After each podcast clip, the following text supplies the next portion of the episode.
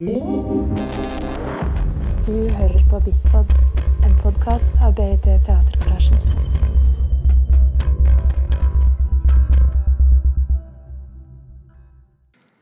Hei, og velkommen til Fra opprop til opprør. Kunstnernes rolle i metoo-bevegelsen. Eh, som er en debatt i regi av BIT Teatergarasjen, og Bergen offentlige bibliotek. Arrangementet er en del av arrangementsrekken ved BT Teatergarasjen som vi kaller Rein bonus som har som mål å fremme ulike perspektiver gjennom møter, samtaler, debatter, workshoper, måltider og andre felles opplevelser. Eh, ordstyrer i dag er Oda Vige Helle, som er redaksjonsmedlem i tidsskriftet Fett og redaktør for Prosopopeia. Hun skal få ordet om litt, men først skal jeg opplyse om at vi gjør lydopptak for en eventuell podkast. Yes, tusen takk. Um, jeg skal bare si litt grann om hva vi skal snakke om eh, først. Fordi at da metoo-bevegelsen tok til nå i høst, så starta det med at amerikanske kunstnere, stort sett skuespillere, eh, delte sine historier om maktmisbruk og trakassering. Her hjemme i Norge så var det nok også i hovedsak i alle fall, eh, i alle fall først, eh, kunstneriske medier som, som leda an i, i, i den bevegelsen. Folk fra kunst- og kultursektoren. Eh, sånn at det vi skal gjøre i dag, er at vi skal snakke om både hvordan denne bevegelsen manifesterte seg i Norge, men også eh, hvordan eh, ulike kunstretninger eh, tar opp problemer omkring eh, kjønn og, og sex og maktmisbruk og strukturer. Eh, Samira Elagos, som i vår gjester eh, BIT Teatergarasjen med filmen 'Craiglist Allstars'. Det er nå på torsdag. Mm. Eh, og forestilling, forestillingen 'Cock Cock Who's There'. Eh, hun gjør nettopp dette, altså tar opp disse relasjonene. Eh, begge kunstverkene utforsker gråsonene mellom intimitet og vold, livet og kunsten, det offentlige og det private, offer og overgriper. Dette er da altså på BIT, Teatergarasjen, eh, på torsdag, og forestillingen er på fredag og lørdag. Eh, med oss i dag har vi Idun Vik, som sitter ved siden av meg. Eh, hun er skuespiller, utøvende skuespiller og ansatt ved BIT Teatergarasjen. Og så er du leder for frilanskretsen til Skuespillerforbundet. vi har også med oss Petter Snare. Han er direktør for Kode og originalt jurist og leder. Utdanna leder fra NHH. Og så har vi Eline Lund Fjæren, som er forfatter og spaltist i Morgenbladet for tiden. Eh, ja. Hvordan Jeg har lyst til å begynne litt sånn generelt. Hvordan reagerte dere da dere da metoo liksom rulla opp først nå i høst? Hva tenkte dere? Hva var det første dere tenkte da dere så at det liksom balla seg på og fortsatte? Ja, altså jeg var jo da med i denne gruppen som på en måte ledet an eh, i Norge. Eh, skuespillerne eh, var vel de første som kom ut i Norge med et sånt stort eh, opprop. Eh, så som det har blitt referert til i diverse medier og samtaler og sånn, så var det da en, en Facebook-gruppe som ble en sånn samleplattform hvor veldig mange delte historier. Uh, og hvor det kokte ganske heftig i flere uker. Og så, og så resulterte det da i, i, dette oppslaget som kom først i Aftenposten. Eh, hvor det var tror jeg, først 597 eller noe sånt skuespillere som hadde satt seg bak et opprop. Um, og så var alle historiene som var blitt delt, eh, anonymisert. Eh, og det var veldig viktig for, den, for oss da at det, at det, ikke skulle handle om enkeltpersoner, men at man gikk til eh, kollektiv eh, aksjon. da. Ja. Mm. Eh, så det jeg tenkte altså det er liksom, Selvfølgelig er det overveldende at alle disse historiene rullet frem i lyset. Samtidig så, så er det jo ting man har visst har foregått. Mm. sant?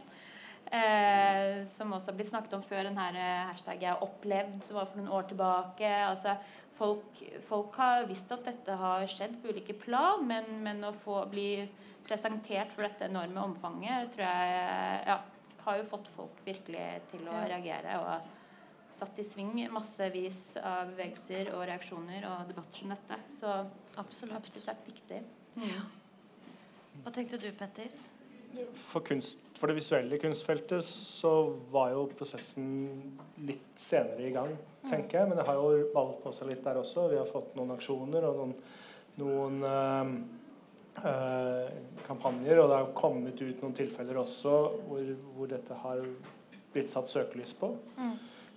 Det visuelle kunstfeltet er jo stort sett befolket av øh, kunstnere som jobber for seg selv. Og, og den maktbalansen blir da vanskeligere å å, å identifisere. Da. Mm. Så jeg tror for min del, som, som, direktør på et museum, så har det vært viktig for å tenke nytt. Og faktisk ha en bevissthet til det som man kanskje ikke hadde før. Ja. Uh, og også som, som, mann som ikke har blitt for så vidt vært en del av akkurat den prosessen. Mm. Så har det vært viktig for meg å, å uh, erkjenne den uh, styrken i den aksjonen. Da. Ja. Skjønner. Du Eline, hva tenkte du? Nei, jeg tenkte vel først og fremst at det var på tide. Ja. eh, og det var litt spesielt også, for før metoo eh, skjedde, eller ble en greie, så hadde jo jeg hatt en lang sommer med eh, Langeland-saken. Mm.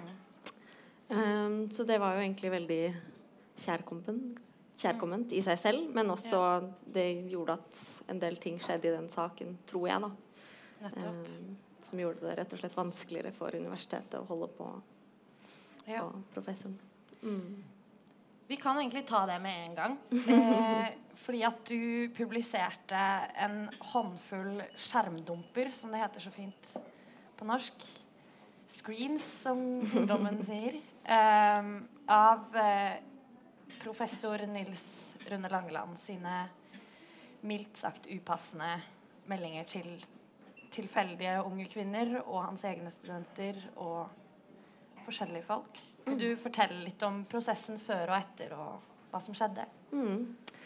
Nei, altså det hadde jo pågått i lang tid, da, Um, før, um, før, jeg uh, publiserte de meldingene. Um, han har egentlig vært en person som jeg alltid har lurt litt på hvorfor har fått lov til å ha de rollene han har. Um, for det har jo vært flere saker som ikke nødvendigvis bare har hatt med seksuell trakassering å gjøre. Um, men da jeg publiserte de meldingene, så var det at jeg hadde en del venninner som hadde mottatt uh, meldinger fra han. da, Og alle var av liksom seksuell karakter. Uh, de var ubehagelige, de var gjentatte. Og også når han fikk tilsnakk, så fortsatte han, og da ofte gjerne enda mer aggressivt. da. Mm. Um, og det var noe jeg tenkte at måtte tas opp rett og slett. Mm. Jeg syns ikke at han hadde noe i en utdanningsinstitusjon å gjøre. I hvert fall ikke i den grad at han hadde kontakt, daglig kontakt med studenter. Um, og så viste det seg jo også, som jeg mistenkte, at det um, ja, gjaldt veldig mange flere. da. Um, og også da noen av hans både nåværende og tidligere studenter. Ja. Og han eh, fikk jo til slutt sparken Mm. Etter, en lang, eh, etter, en lang, prosess. Mm. Og Det er der jeg tenker at metoo har hatt litt eh, med saken å gjøre. Fordi det begynte jo med Dette var jo i sommerferien. Eh, og da var liksom første uttalelse fra Universitetet i Stavanger, hvor han var ansatt som professor, eh, var at vi er på sommerferie. Dette tar vi når vi kommer hjem igjen. Um, og det gjorde de jo òg. Det tok lang tid, og det begynte med at han fikk da undervisningsfri eh, faktisk i et år.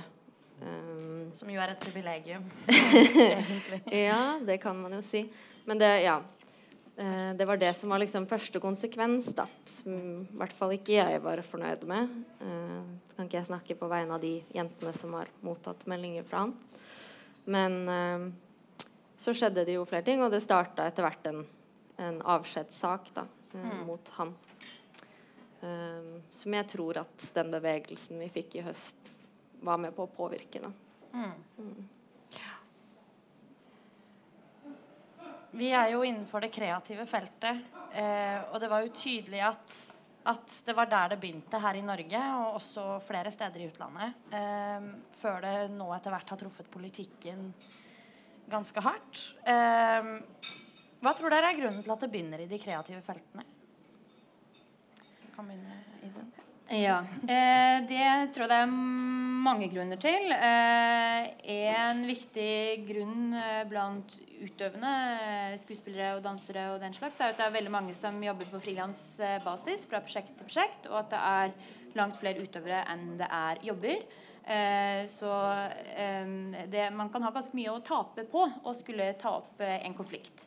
Ja. Eh, for hvis du eh, gjør en dårlig figur, eller hvis du havner i en konflikt, så er det veldig mange som står parat, klare for å hoppe inn og steppe, overta din jobb da, hvis, eh, på vei til neste. Eh, så det tror jeg er en sånn reell grunn til at, at man ikke har tatt det opp før. Og så er det i tillegg selvfølgelig at man jobber fysisk veldig tett på hverandre. Eh, og, og det som er helt greit i én situasjon mellom noen mennesker i et visst rom, kan oppleves helt totalt annerledes hvis man bare tar ut én av bestanddelene. Sant? Hvis det er en, en annen person til stede eller ikke til stede. Eh, ja, sånn at det, her, det er ikke sånn veldig klare skiller heller mellom hva som er jobbsammenheng og hva som går over i det sosiale. Det er flytende overganger. Så det er, det er veldig mm, komplekst å skulle forholde seg til. Og, og, og når det er så hårfine nyanser, da, så, så eh, ja, det kan det være vanskelig å si fra også. Ja, nettopp. Ja. Og så, så jeg tror det er en del som har liksom vært skyldig kanskje i å praktisere noen av disse strukturene uten å være helt klar over det. Og så tror jeg også det er ganske mange som, som eh, eh, har kunnet gjøre det fordi man vet man kommer litt unna med det. da. Ja. Ja. Slipper det, ja. Mm. Men det er jo først og fremst at, at eh, det er jo, handler jo om eh, et makthierarki. ikke sant? Altså Det er jo gjerne ikke den nyutdannede frilans skuespilleren eh, som, eh, som utøver eh, seksuell trakassering mot en etablert regissør. Det er jo heller det motsatte. sant? Ja. Så um, Det så vi jo i alle, alle de ulike oppropene, Ja. mm, egentlig. Mm. Så jeg tror at når man er i en posisjon, uansett om det er innenfor scenekunst eller, eller hva som helst, så er det bare at det medfører et ansvar da, når, man, når man besitter en makt, og det er mange som, er, som har nytte av å være på nett med deg. Absolutt. Ja. Ja. Hva tenker du, Petter? Ja, til det siste så tenker jeg at det er, det er helt åpenbart. At det, det er noen klare grenser der som er etiske og profesjonelle og altså, også handler om at, at du skal rett og slett ikke bruke noe som eh, eh, Altså, de virkemidlene du skal ta i bruk, da, er, en, er en etisk og faglig vurdering for hvem du velger å jobbe med og ikke jobbe med. Og det er i grunnen det det handler om. Ja. Hva du klarer å få ut av dette på et personlig plan, er ikke det du vurderer kunstnerisk kvalitet på, hvem du jobber med, hvem du stiller ut, hvem du lar få plass, etc. Det, Ja. det er bare helt uakseptabelt. Og det er jo bare helt hårreisende at det måtte en metoo-kampanje til for å, å få en bevissthet rundt det. da, For å ta tak i det. For å ta tak i det. Jeg tenker litt om det du fortalte om Langeland også. Én ting er jo at han gjør det, en annen ting er at det skal være så jævlig vanskelig for en institusjon å faktisk gripe fatt i det. da, Som er jo enda mer problematisk. fordi hvis det er sånn at institusjoner ikke vil forholde seg til den type maktovergrep eller bruk, eller, så er vi jo altså Vi klarer jo aldri å beskytte oss for idioter, men institusjoner må jo på en måte kunne beskytte oss på et eller annet vis. da. Ja. Nå brakte du meg egentlig videre inn på det neste spørsmålet mitt, som er hvordan eh, Nettopp fordi at alle dere tre Eline, du er jo på forlag. Som forfatter så er man jo gjerne enten håper man å bli tilknyttet et forlag, eller så er man det er man heldig nok til å være det. Og, og, eh, og som kunstner så prøver man jo å få tingene sine utstilt. Altså uansett om det Uansett hva slags kunst det er. Så Og der må man jo også komme til en institusjon som kan gjøre det. Og det må man jo ofte som skuespiller også. At man må, man må få innpass da, på en eller annen måte. Sånn at institusjonene sitter jo da plutselig med en enorm makt. Ikke sant? Eh, og hvordan, eh, hvordan kan institusjonene eh, på best mulig måte da eh, forebygge at sånne her ting skal skje? Og eventuelt hvordan, hvordan tar man tak i det når det, når det har skjedd? Hvis det har skjedd? Det, ja, dette har det jo også vært veldig, veldig mye snakk om da, siden i høst. Og jeg tror eh, absolutt at det er bare å nedfelle veldig tydelige varslingsrutiner. Og det som gjør det spesielt eh, vanskelig for det frie feltet, eh, som jo BT Teatergarasjen, som jeg sitter her delvis og representerer, eh, programmerer jo da forestillinger som utvikles i det frie feltet. Eh, hvis man er på en institusjon, så kan man jo ha Du er tillitsvalgt, deg går man til hvis det oppstår noen ting. Ja. Og at da er det veldig fint hvis den personen ikke er arbeidsgiveren din. Eh, sånn at man ikke har en sånn direkte risiko ved å gå og henvende seg til, det, til vedkommende, men at det er en annen på en litt mer nøytral grunn. Mens i det frie feltet så, okay, så spiller man den forestillingen på ulike programmerende scener, så er, så er det ikke like åpenbart hvor man skal henvende seg. Og der tror jeg Teatergarasjen hadde jo en sånn uttalelse eh, ikke hos oss. At, at da vil man på en måte forstørre det ansvaret da, og si at hvis det foregår noe eh, med en produksjon som har blitt spilt her, så kan liksom vårt verneombud være en slags mekler og ta, ta imot de sakene. Så sånne ting har vi også da begynt å informere om. Så bare å, å gjøre det veldig synlig og tilgjengelig informasjon for alle kan være et ledd på veien der. Ja. Ja. For, for museumsfeltet så er det jo ofte sånn at vi får jo ikke henvendelser, men vi plukker ut. Eh, og da er det jo viktig at vi har gode rutiner og gode faglige rutiner, sånn at det ikke blir en nepotisme eller straff i det, da, men at vi faktisk har, har eh, komiteer som setter seg ned og vurderer, og det ikke blir for, blir for nært da, eller for personavhengig. Um, det tror jeg er veldig viktig i, den, i denne sammenhengen. Og, men, men for kunst, altså det visuelle kunstfeltet, da, som hvert en del av de, uh, har en utstilling, skal få en plass på et sted, eh, og så forsvinner de ut igjen, og kontaktflaten er lite. Men det betyr jo ikke at det, på en måte, muligheten for misbruk er noe mindre av den grunn. Nei. Men rapporteringsmuligheten er jo ikke-eksisterende, egentlig. Ja. Eh, som er jo veldig, veldig vanskelig. Da. Ja. Men ja, for det der er veldig vanskelig. Eh, hva tenker du, Eline? Du Nei, det er jo litt det samme problemet, egentlig. Det er ingen retningslinjer, da. Ikke i eh, litteraturbransjen heller, som jeg vet om, i hvert fall. Eh, og jeg kom jo inn i forlag som 17-åring. Eh, og har vel egentlig, egentlig aldri hatt en, en samtale om det, eller ingen i liksom forlagsbransjen som har liksom Ja, første gang du skal på Aschehougs hagefest, heads up, på en måte. og rollene er jo veldig udefinerte, da. Um, som forfatter og, og redaktør, f.eks., så er det jo på en måte man skal både ha et profesjonelt forhold, men man er også liksom venner. Um, og man er på fester, det er mye alkohol, eh, og ting er generelt liksom blurry, på en måte, hvor man står. Eh, og det som også skjer i, i litteraturbransjen, er jo altså at jeg har sett i hvert fall eh, at eldre kvinnelige forfattere eh, slutter jo å være på en måte på disse her festsammenhengene. da. Altså De slutter å gå på hagefest, de slutter å være på eh, nachspiel osv. Um, fordi de har opplevd det de gjør. Og det gjør jo også at unge kvinnelige forfattere havner i disse situasjonene og er overhodet ikke forberedt. er overhodet ikke eh, Har ikke noen rollemodeller da, eller noen som man har snakket med på forhånd før man liksom Ja. om det. seg. Mm. Ingen, eh, ja, ingen klare retningslinjer for det. på en måte. Nei. Så er det jo også en bransje hvor liksom det som er overskridende, og det som er eh, ja, udefinert, på en måte er en veldig stor del av eh, selve kunstarten. Mm. Og det gjør det jo også Eller også en faktor. På. mm. Det er jo som sagt et veldig fragmentert felt. Altså kanskje, kanskje enten skuespiller eller litteraturmiljø er det, der de samles mest på en eller annen måte gjennom forlagene og, og teaterinstitusjonene. Men, men det er uansett veldig fragmenterte felter. Og gjennom denne prosessen så har vi jo sett at det er mange som mange som etterspør f.eks. eksterne måter å si fra. Hva tenker dere om det? Ja, altså Nå vet jeg ikke helt hva som har skjedd med dem. De opprettet jo sånn hotline. Eh, og den vet jeg ikke helt hvordan det har blitt tatt i bruk så mye. Det må jeg bare innrømme at jeg ikke har eh, fått oppdatert meg på. Eh, men jeg tror det vil være veldig fint å kunne ha en nøytral grunn, ja, som ikke nettopp dette også på institusjoner, at den tillitsvalgte eller den personen man skal henvende seg til med en sånn varslingsrutine, ikke er arbeidsgiveren din. For det er det som jeg tror kommer i veien fra at veldig mange eh, saker ikke har blitt tatt opp før. At man liksom Her står jeg og bare ja, bygger en grav i stedet for å bygge en stige i forhold til karrieren min, hvis man skulle ta opp noe sånt. Eh, så jeg tror det ville vært veldig fint. Og, så, og at man har klare kontaktpersoner. ok, Derifra hvor går man videre for å kunne ta saken. Ja.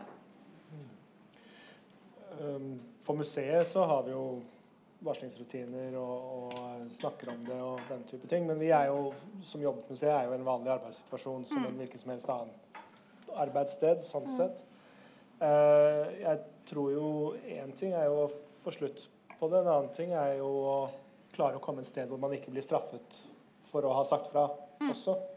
Eh, en, altså, man kan jo Plutselig blir man unngått, plutselig så blir man svartelistet, plutselig så blir man Å og, og, komme det til livs tror jeg er en lang prosess, altså. Men hvordan, hvordan man skal få til gode varslingsrutiner i det frie feltet, det er fryktelig vanskelig. Jeg Ja. har ingen gode svar. Men det har jo også vært en lang liste konkrete tiltak som har blitt diskutert, da, som en rekke teatre i hvert fall innenfor institusjonen og sånn har implementert allerede. Så jeg tror det er veldig altså, det er veldig mye vi kan gjøre. Så i stedet for å si oi, det her er altfor vanskelig å skulle ta inn over seg, så må man bare brette opp armene. Og, og det er nok av folk, eh, ressurssterke folk involvert her. De som har stått frem og vist veldig mye mot allerede. Så jeg tror det er fullt mulig, da. Altså den bevegelsen har vært i gang, at man fortsetter det momentumet. Hva tror du, Eline? Har du noe å tilføye? Eller? Nei, jeg er egentlig veldig enig med Idun. At man Ja. må se på de mulighetene man har. Og også ja, sånne eksterne alternativer tror jeg er en veldig god idé for å ja, unngå at man risikerer noe sånn profesjonelt sett. Eh, men også ha åpen samtale om ukultur og om ja. Nettopp. Og hvis man kan unngå det, så er det jo på en måte det er det beste, da. på en Ja. måte. Mm. Forebygging framfor alt, på en måte. Ja, jeg tror det er bare viktig å holde denne samtalen gående og vite at det har vi nødt til å gjøre i veldig mange år. da, så Det skjer ikke over natten. Eh, så eh, ja. Det var en revolusjon i, i høst, men jeg kan ikke si ja. Da har vi, nå har vi løst den saken. Sant? Men bare alle tar inn over seg at det er Nå er det slutt alle på seksuell trakassering i Norge. Nå har vi ikke mer av det. Ja. Vi kan, gå, vi kan bevege oss litt mer over på det utøvende feltet. Har et litt sånn innledende spørsmål der som, som går på hvorvidt kunsten kan synliggjøre eller um, ja, synliggjøre grenser og dynamikker for hva som er greit og ikke greit. Da. Um, innenfor de ulike feltene. Kanskje Eline kan begynne? Ja, altså det er jo et veldig stort spørsmål som jeg det. er veldig vanskelig å svare på. Men det som jeg synes, Det som jeg er glad i med litteratur, da, er jo på en måte at det gir en mulighet til å skildre veldig mye. Altså skildre kompleksitet uten at det liksom forplikter seg til å svare. Eh, sånn som politikken f.eks. må gjøre. Og der kan man jo få fram veldig mange nyanser. Man kan få fram liksom ja, kompleksitet i seksualitet, eh, makt, roller, eh, sånne ting. Så potensielt så kan det ha en, en eh, veldig viktig rolle. Men det er jo også Ja, jeg syns det er først og fremst i det politiske det ligger i forhold til liksom um, ja, forebygging og ikke minst hva man gjør etterpå, da. Ja. Men uh, en viktig diskusjon om seksualitet kan jo definitivt uh, Ja. Litteraturen bidrar med. mm, Mm. og gjøre. Og der må jo kunsten hele tiden være aktiv og utforske og provosere og være en del av samfunnsdebatten. Hvor vi hele tiden tar det opp da, og blir relevante og, og har debatten om det. Og det tenker jeg vi kan gjøre og nå ganske brede felt når vi, også som institusjon. At vi hele tiden sørger for å være aktuelle på det og, og være en del av den diskusjonen. Ja. Så vi ikke havner bakpå der. ja. Ja, jeg tror jo kunsten kan spille en helt avgjørende rolle. Altså, det er helt åpenbart. Vi vet jo at, at vi formes av hvordan kjønn og makt blir fremstilt av det vi ser på TV, det vi leser i litteraturen, det vi ser på scener, eh, i populærkulturen. Eh, og vi er utsatt for veldig store kommersielle krefter. Da, og, og, der tror jeg virkelig kunsten kan gå foran på å utfordre de konvensjonene. Mm. Uh, og, og, særlig eller sånn som det frie scenekunstfeltet, som er kanskje mer marginalt. at Da har man virkelig mulighet til å kunne gå, gå i bresjen og, og, bruke det mandatet man har til ok, her skal vi faktisk prøve å utvide definisjonsrommet. Um, og så ser man jo det er en sånn en konstant greie at det som noen baler og hyler rundt med det frie feltet, kanskje ti år seinere siver litt inn i institusjonene. Så jeg tror det er kjempeviktig å, å holde på den forpliktelsen. Også, men det behøver ikke nødvendigvis være at man ok, nå skal vi lage en forestilling om metoo og seksuell trakassering. Altså Noen ganger kan det funke utmerket at man helt eksplisitt tar tak i en problemstilling. Mens andre ganger så ser man jo at det bare um, en forestilling har ikke noen sånn agenda, men har en veldig tydelig politisk ladning som et sideprodukt. Og det kan være vel så effektivt. Så jeg tror ikke man skal begynne å lage sånn Nei, nå, uh, nå må alle ja, ha et sånn politisk manifest i, i mm. grunn. eh, men at man, man vet at, uh, at ja, man må rive og snu og elte på ting. Da. Det er det mm. som er viktig. Man må jo, mm. altså, ikke som noe menn til det, men, ja. men, når vi stiller ut ting også, så uten at det nødvendigvis trenger å ha en agenda, så mm. er det jo mye kunst du viser som må kontekstualiseres og ta den debatten på. Da. Mm. Som f.eks. Gauguin-utstillingen i Gauguin Munch akkurat nå, hvor det jo kommer mye debatt om om hvordan var den kunsten i, i den konteksten, og hvordan skal det forstås, og hva er problematisk med den. Mm. Og vi må jo også tørre å ta i det når vi ser at det er problematiske ting. Eller som Richard Prince på Pastor Fearnley-museet med en purung Brooke Shields naken, ja. som jo blir stilt ut uten noe kontekst i det hele tatt. Og det tenker jeg at da bør, mm. bør vi som mm. institusjon også være bevisste på å rekontekstualisere dette og ta mm. debatten også der. Ja. ja. Da er vi jo litt inne på på en måte eh, forholdet mellom kunsten og det politiske. Er, tenker dere at kunst automatisk er politisk hvis den handler om, om kjønn? Sånn som din første bok, f.eks., Line. Eh, som heter 'Ung jente, voksen mann'. Er den politisk fordi den handler om kjønn, eller? Nei, altså sånn, det, det, var i hvert fall ikke det som var min, mitt utgangspunkt. Nei. At uh, nå skal jeg skrive om dette fordi jeg har noe på hjertet som er liksom et større budskap som er politisk, på en måte. Altså sånn um, Og jeg syns det er veldig vanskelig, eh, fordi det opplever man jo ofte som kvinnelig forfatter. da, uh, Å få kritikk for å ikke være politisk nok. Eller man, det som eventuelt er politisk, blir heller ikke gjenkjent som det. da Nei. Um, Blir ikke forstått. Nei.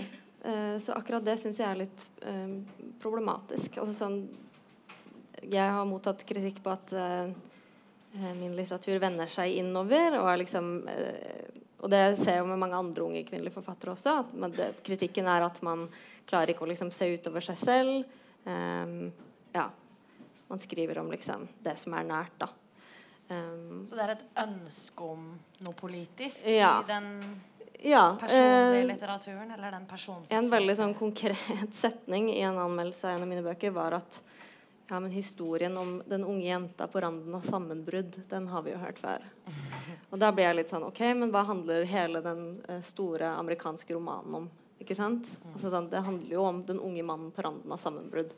Uh, og hva det er jo liksom en manglende evne til å gjenkjenne nettopp hva det sier. da. Altså, hva, hva, betyr det at så mange unge kvinnelige forfattere i dag skriver om liksom, spiseforstyrrelser, depresjoner, eh, abort, kjønns... Altså sånn, eh, de typen temaer der. da, Og hvorfor er ikke det politisk? Um, hvorfor er det navlebeskuende og egosentrisk? Um, mm.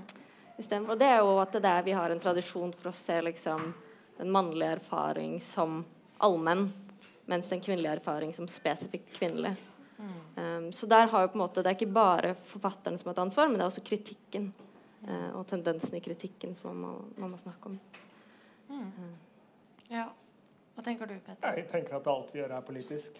Alt jeg henger opp på veggen, er politikk. Mm. Og, og, må leses i lys av at vi er en del av en debatt. Jeg kan ikke liksom distansere og henge bilder på veggen og si at dette er ikke politisk. Mm. Alt blir politikk. Uh, tenker jeg. Hvorfor det? Fordi at vi er en offentlighet, jeg bruker skattepenger, jeg kommuniserer med folk hele tiden, og det er politikk. da. Du kan, du kan ikke trekke deg tilbake og si at dette er bare skjønnhet, eller dette er bare underholdning, eller Alt sier noe om noe, Ja. eh, og, og må leses i den konteksten. Og vi kjørte jo en Snapchat-kampanje her 8. mars, hvor vi tok klassiske verk, satt på mer eller mindre, gjerne mer provoserende kommentarer på det. Og det sier også om noe Hvis jeg velger å vise klassisk kunst, så er også det politisk, for det sier noe om sammenhengen og tiden, og hvorfor viser jeg det, og hvorfor viser jeg det kontra de andre 10 000 maleriene jeg har hengende på kjelleren. Eh, Så, så det må vi være bevisst på hele tiden. Og, ja.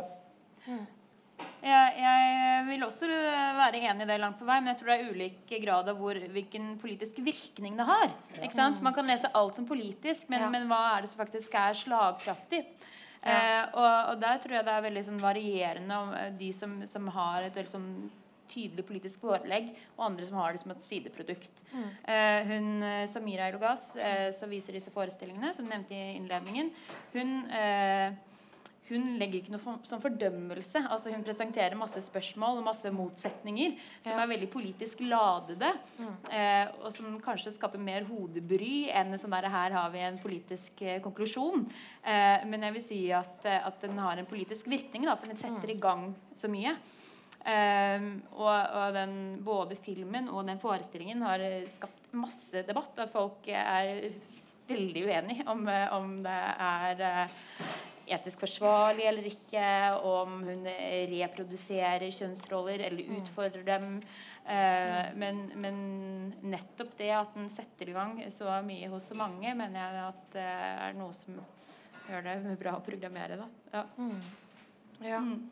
Mens andre, f.eks. Eh, en annen som er ja, en forestilling som var her for noen år siden, av Bærstad Helgebostad og Vigdel, har en sånn forestilling som heter 'Jordjenta'. Og de har ikke noe sånn fe feministisk agenda, eller noe sånt, men i flere anmeldelser har det blitt omtalt sånn derre 'Dette er kvinnefrigjøring. Dette sender meg i feministisk lykkerus'. For de er bare så utrolig langt eh, løsrevet fra eh, konvensjoner knyttet til kjønn. Da. Altså, de oppfører seg rundt på scenen som veldig sånn animalske eh, og, og ganske ko-ko, men samtidig er det noe veldig vakkert og frigjørende i det. Men de var sånn Nei, det har vi ikke tenkt på. Sant? Så, det eh, så det er veldig fint at det kan ha en virkning med ulike innganger. Ja. Mm. ja, absolutt. Jeg har lyst til å ta det du nevnte, Petter, med, med den Snapchat-storyen eh, litt videre. Fordi dere fikk jo voldsom kritikk av Nettavisen, bl.a. i forbindelse med 8. mars, da dere la ut eh, Ja, det var vel spesielt ett bilde som de hang seg opp i, som, som de mente var en eh, slags sidestikk til eh, Terje Søviknes. ja. Hvor, hvor på siden der er jeg litt usikker på, men ja. Ja. um, hva, em, hva tenker du med, med den typen framstilling av, av, eh, av kunst, og, og hva det kan gjøre for å både gjøre, altså både gjøre kunst mer tilgjengelig for en yngre generasjon, men også eh, å gjøre det på en måte som er opptatt av kjønn, da, og som er opptatt av eh, maktstrukturer? Jeg tenker at det knytter litt på det vi snakket om i stad, om at det, alt blir politisk, men av og til så må det også fortelles og gjøres politisk, og at vi faktisk bringer det inn i en politikk da, og sier at dette bildet handler også om dette. Og som du sier, det handler også litt om den gjennomslagen om at eh, skal du bli sett, og skal du bli hørt, og skal du skape debatt, så må du også tørre å, å presse noen grenser, da. Og si noe som kanskje er litt eller som er over kanten eller er for mye eller for drøyt, eller hva som helst, men at det påpeker i hvert fall noe som får oppmerksomhet. Og det er jo et problem i dag. Og det tenker jeg vi skal være bevisst på i den debatten vi, vi kjører, at det har, har det aspektet der. Og noe av det, som vi innimellom skal gjøre, skal presse grenser. Vi skal ikke ha, alltid ha berøringsangst for å liksom, være for politisk korrekt eller ikke støte noen. Eller, altså, vi må tørre å ta debatten, da. Og hvis ingen vil ta den, skape den. Og det var vel det vi forsøkte, da. Ja. Funka det? Ja. ja. Syns det var bra. Vil du si noe, Idun? Ja, for jeg tror også det er veldig viktig at vi ikke skal prøve å bli politisk korrekte. Eh, men vi skal, vi skal sørge for at det er trygt å jobbe. At man, at man har tydelige rutiner og tydelig liksom blir tatt vare på mens man utøver. Men at det man skaper, eh, skal ikke må, måtte forholde seg til eh, sånne retningslinjer. Da. At Mm. man eh, må ha mandat til å klare å, å ja, rocke opp ting. Samtidig som det er trygt Ja, å gjøre det. nettopp. Mm. Um, I forberedelsen til den samtalen her eh, så snakka jeg litt med deg, Eline, om uh, American Bitch-episoden av Girls, som er en serie som uh, for veldig mange har vært den første skikkelig feministiske serien man har fulgt med på. Tror jeg for mange, i alle fall. Eh, og så snakka du om at det er en episode som treffer veldig. Hva mener du med det? Og så kan du kanskje fortelle litt om episoden for de som ikke Nei, det var vel at eh, Ja, jeg kan jo begynne med å fortelle meg litt om den først. Um, det er en veldig spesiell episode av Girls. Um, det er en, altså sånn Hannah, hovedpersonen, som er en ung skribent, egentlig, men som ikke har lyktes så veldig. Um, viser på en måte en litt sånn annen versjon av seg selv i denne episoden her. Hun er mer Lina Dunham enn enn henne. da.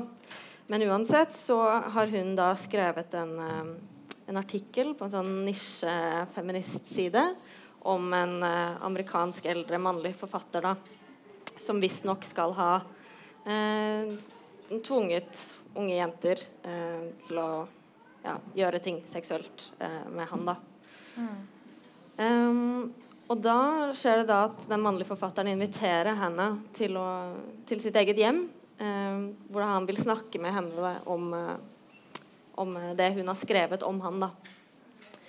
Eh, og det gjør hun, så hun kommer dit. Eh, og det som skjer da, er på en måte veldig sånn gjenkjennelig. Han starter på en måte med å gi Hannah veldig mye komplimenter.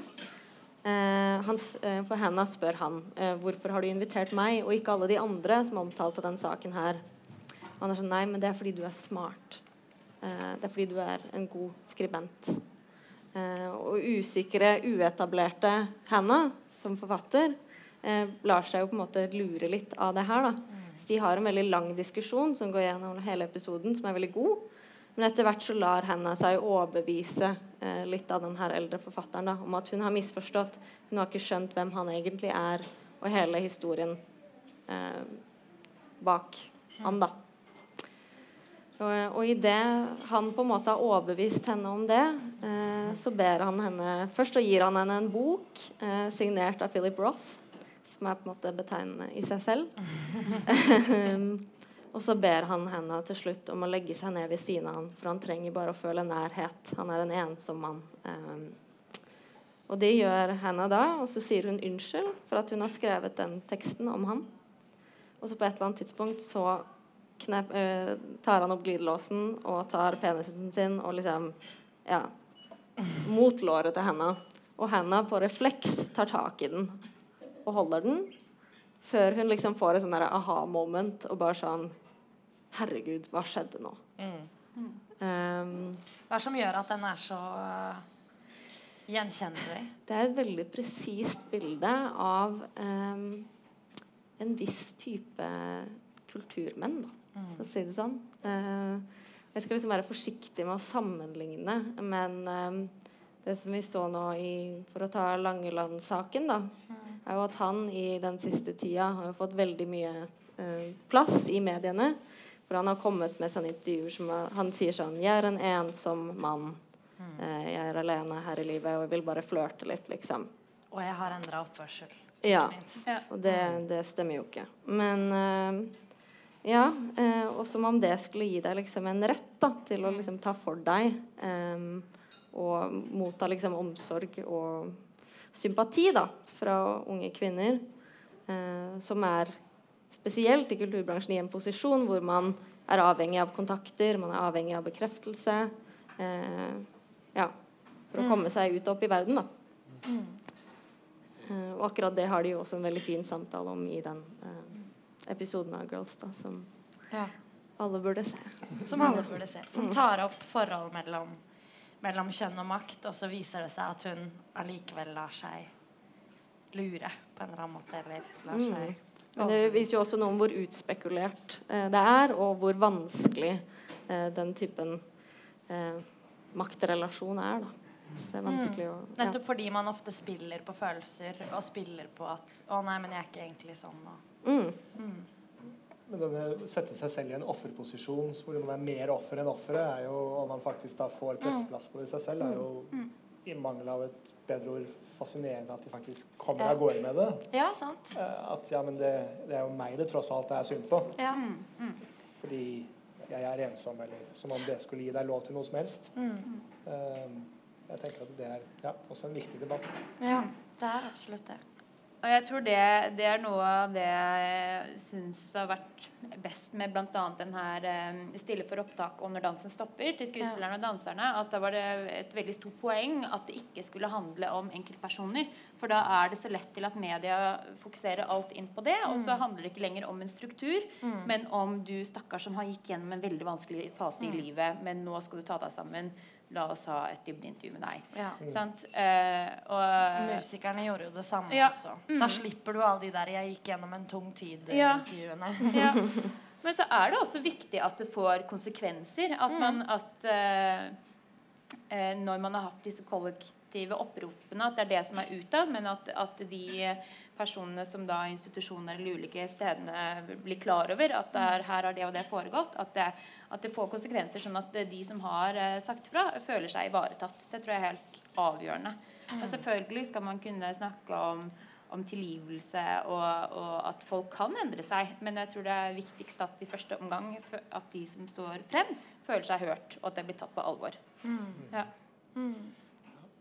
Tilgivelse er kanskje ikke noe som i utgangspunktet hører hjemme i arbeidsplassen i den settingen. Nei. Jeg at det, så det får gå noen grenser der. ja. Vi kan, eh, vi kan gå litt videre til det med framstilling og mulighet for framstilling. Um, kan begynne kanskje hos deg, Petter, med, med kode. Hvordan ehm, Du kjenner jo kanskje godt til kunst eh, og kunsthistorie, regner jeg med. Ehm, vet Jeg er jo ikke kunsthistoriker, så, Men- men, eh, ja. Men hvordan, hvordan, tenk, altså, hvordan blir kvinnelige kunstnere framstilt? Både nå og Altså kanskje, kanskje nå, da. Kanskje vi kan holde oss til det. Jeg hadde en liten gjennomgang av, av innkjøpene i samlingen eh, i det siste og tenkte at det, ok, la oss bare begynne et sted da, og tenke mer på det. og tenke på det. Og det er jo gjennomgående ja, Det er ikke så verst, men det kunne og burde ha vært vesentlig mye bedre. Ja. Og at man i hvert fall begynner et sted da, og tenker at dette skal vi ha et bevisst forhold til. At jeg faktisk også sørger for at uh, flere enn de som er rundt i min umiddelbare omgangskrets, eller blir kjøpt. da. Og at man klarer å trekke det inn og, og ha et bevisst forhold til det. Og det er også som vi skal vise og, og, og jobbe med det. Eh, kvinner i kunsthistorien har jo ofte blitt marginalisert, og de er jo ikke så lett å få øye på. Og de blir jo skjøvet veldig fort ut, og det har jo sikkert noe med at institusjonene stort sett også har vært drevet av menn og i den type ting. Og det har ikke vært rom for å eh, drive med kvinnelig kunst. Kvinnelige kunstnere har blitt ansett som dilettanter. Eh, aktiviteter og amatørmessig, da. Og dermed så har det ikke blitt en del av institusjonen. Det prøver vi også å gjøre noe med. Eh, men det er jo vanskelig å gjøre noe med kunsthistorien, men vi kan i hvert fall plukke frem de som, de som faktisk finnes da, og vises. Fordi mye av det har jo også gått tapt. Mm. Fordi det ble ikke tatt vare på. Um, så vi jobber jo, jobber jo med det. Um, og, og prøver å skal få gjort noe med det og vise mer. Mm. Ta et aktivt ansvar på det. Hva tenker du, Eline? Du mm, debuterte jo som 18-åring.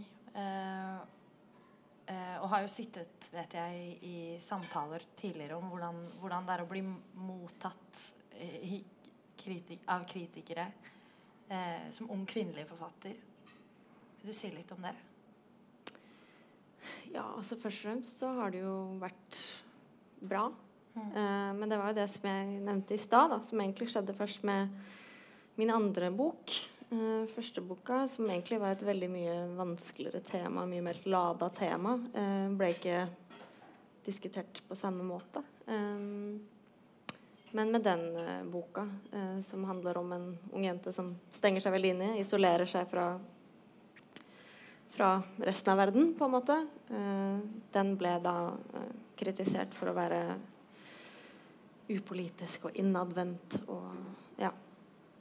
Så det, det, reagerte jeg jo litt på. Altså sånn, fordi man har en hel litteraturhistorie med menn som har skrevet om det samme. Um, og ja Unge verters lidelser, og, og, han hadde bare kjærlighetssorg, på en måte. Um, så det handler vel litt med hvordan man blir lest, da. Som jeg egentlig har opplevd mer og mer i seinere tid, og som jeg tenker på Jeg har jo liksom eksempler som som Knausgård, som egentlig skriver i en veldig utprega kvinnelig tradisjon. Um, skriver om de nære ting, om eh, hjem og hverdagsliv, som kvinner har skrevet om fordi det har vært realiteten. Altså sånn Det er slik kjønnsrollen har vært. Uh, så f.eks. Karl Ove Knausgård befinner seg i en veldig kvinnelig tradisjon, samtidig som han sier i intervjuer at uh, litteratur skrevet av kvinner er uinteressant. måte. Mm. Det er friskt. Mm -hmm. ja, så du tenker at måten Altså at kritikken er lada da, på en eller annen måte, eller tilnærmelsen til kanskje spesielt kvinnelige forfattere er lada? Mm, absolutt. Så i, i, litteraturbransjen så ønsker jeg meg en Eller egentlig i kunstbransjen generelt en stor diskusjon ikke bare om eh, kunstnerne og deres intensjoner, men også om resepsjon. Da, om kritikernes ja. mm. intensjoner, og hvordan man ser, leser og hører eh, på en annen måte. Mm. Og også litt sånn hvilke tradisjoner man, man eh, skoleres inn i. Altså dette ja. vet jeg har vært en veldig mm. stor debatt på, eh, på KIO, eh, Kunsthøgskolen og Teaterhøgskolen mm. i Oslo. Eh, at, at, nå har det skjedd mye de siste årene, men det har vært ofte sånn at, at gutta kanskje får høre at du er ikke mann nok. Du må pumpe litt mer, og du må være, for å kunne spille de store klassikerne, så må du ja, eh, få opp litt mer macho-gir. Og samme jentene, altså Jeg gikk på skole i, i, England, eh, en veldig sånn klassisk eh, skole med, ja, hvor var hovedsakelig ja, ikke så mye samtidsdramatikk og sånn vi drev med. Og da var det sånn Jenter, dere må ha kjole og høye hæler på audition. Og, og, beste tilnærmingen for deg hvis du skal overleve, overleve når du kommer ut, er liksom å lære deg sånn fem typer roller som du kan være flink på. da Er du Sonja onkel Vanja, eller er du, mm. er du Nora eller, altså, Finne ut mm. dine sånn, kjernetyper, og så bli veldig god på det. Ja. Eh, så der var det ikke så mye sånn åpen debatt for å skulle utfordre og kanskje ikke alltid gå inn for å ja, utforske og reprodusere. Men, men her var det at det har skjedd veldig mye i Norge eh, på Kunsthøgskolen de siste årene. Eh, og det er jo annerledes igjen hva som foregår på institusjon, og hva som er mer i det frie feltet. Ja hvor man har prøvd å tøye de grensene i, lengre tid. Mm. Ja. Eh, jeg har litt flere spørsmål til dere, men vi kan kanskje høre om det er noen i salen som har noe de brenner inne med. Det er alltid liksom det første spørsmålet som er vanskelig å få halt ut av folk. Jeg kan spørre imens om, eh, om eh, synes at altså, um, programteksten, eh, arrangementteksten til dette, dette her vi sitter og gjør nå, der skriver det at det har vært, metoo har representert et vannskille. Eh, syns dere det i kunstbransjen?